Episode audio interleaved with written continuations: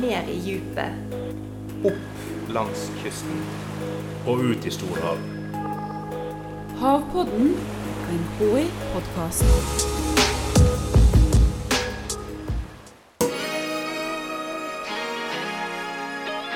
Det har vært ei lang veke.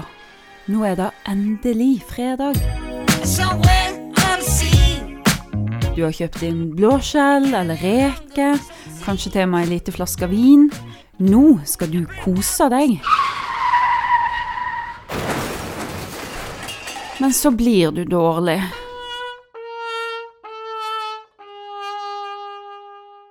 Det som kan ha skjedd, er at de har blitt syke pga. at de ikke har varmebehandlet blåskjellene godt nok. Fordi det kan være sykdomsfremkallende bakterier i blåskjellene. Dette er Didrik Hjertaker Grevskott. En kan fnise litt av forskningen hans på overflaten. Han har nemlig brukt de siste årene på å analysere tarmbakterier i flere tusen blåskjell. Og tarmbakteriene, du skjønner kanskje hvor de kommer ifra. Den kommer fra vanlige hjem, fra sykehus og fra landbruket. Denne kloakken fra land kan ta med seg tarmbakterier som kan være resistente mot antibiotika, og som kan spre seg i miljøet som havet. Og det er nå når vi går inn på årsaken til at Didrik leter etter avføring i blåskjell, at det blir mer alvorlig. Antibiotikaresistens er en av de største helseutfordringene verden står overfor i dag. Hvorfor er antibiotikaresistens et problem i verden i dag? Pga. at infeksjoner blir vanskeligere å behandle, og vi er nå på vei inn i en postantibiotikaæra. Dvs. Si at så lite som et kutt i fingeren vil kunne få fatale konsekvenser for deg. Hva gjør du med det? Vi forsker med å overvåke forekomst av antibiotikaresistens i miljøet. Og det vi har gjort, er at vi har brukt en spion for å, for, som kan fange opp disse tarmbakteriene som flyter forbi. Og I mitt tilfelle så har vi brukt blåskjell. Og Grunnen til at vi bruker blåskjell, er fordi at i motsetning til fisk, så står blåskjell helt i ro. De finnes langs hele norskekysten. De filtrerer store mengder vann og kan dermed fange opp i seg partikler som nettopp bakterier fra vannet rundt. Og da kan du si noe om hvor mye kloakk det er i det området, med å se på disse skjellene? Ja, ved å analysere blåskjell for eh, mengde E. coli-bakterier. For E. coli er jo en forkortelse for Escherichia coli, som er en kjent tarmbakterie hos, som finnes hos mennesker og dyr. Og E. coli brukes som en indikator på forurensning eh, med kloakk, altså bæsj. Og når, hvorfor er det viktig å vite hvor mye bæsj det er i blåskjell? For mengde bæsj i blåskjell vil kunne gjenspeile om det er et kloakkutslipp i nærheten. Og da er det gjerne greit å få kontroll på dette.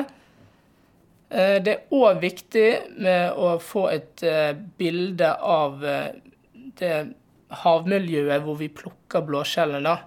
For dette er jo både for, både for sjømatsikkerhet, men også for for, for, fritidsaktiviteter, som bading. Det er jo litt hvorfor det er viktig å overvåke, men hva har det med å kontroll over kloakkutslipp i havet, hva har det med antibiotikaresistens å gjøre? Jo, for når du får i deg antibiotika ved en behandling, eller et husdyr for behandling, så vil du kunne utvikle antibiotikaresistente bakterier i tarmfloraen din. Og som vi vet, alt vi putter i oss, skal ut igjen også bakterier. Og da havner de jo fort i havet.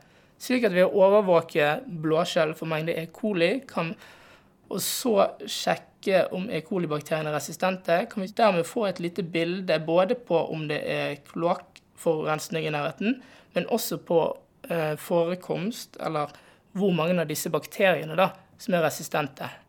Kan det være, altså, være kunnskap som er viktig når en skal prøve å, å, kjempe imot resistens? Ja, det er viktig. for Når vi skal kjempe mot antibiotikaresistens, så er det òg viktig å kutte ned bruken av antibiotika.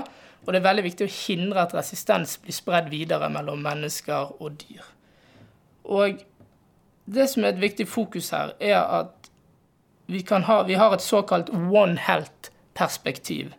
Hvor vi eh, overvåker og følger med på utviklingen av resistens og bruk av antibiotika hos mennesker, men også hos dyr og mat. Men vi trenger også miljø. For alt er jo koblet sammen. For miljøet finnes jo overalt rundt oss. Hvor stort problem er dette i Norge i dag, antibiotikaresistent? Frem til nå så er ikke antibiotikaresistent et veldig stort problem i Norge i forhold til andre land. Men det kan fort endre seg. Eh, økt globalisering, at vi mennesker eh, vi reiser på tvers av eh, kloden. Det kan òg komme gjennom import, eksport av dyr, mat og fôr. Og, dette, og dermed så blir det vanskeligere å holde slike multiresistente bakterier unna oss i Norge også. Vi skal tilbake til fredagskosen som gikk gale. For Didrik vil ikke at du skal slutte å ete blåskjell. Så lenge du varmebehandler godt og kommer over 70 grader, så tar du en viss knekken på disse nasty bakteriene. Et godt råd på tampen der, altså. For Didrik sitt forskningsprosjekt handler jo nettopp om helsa til meg og til deg. Det handler om å sikre at sjømaten er trygg å spise for deg, men det handler også om å kunne overvåke for å se hvor, er, eh, hvor vi finner mye eller lite eh, kloakkforurensning, og igjen om vi finner mye eller lite resistens. Havpodden er en podkast fra Havforskningsinstituttet. Jeg heter Stine Hommedal og er rådgiver her. Teknisk produksjon og lyddesign var det Febril Film som sto for. Og du, du hører oss igjen allerede neste onsdag.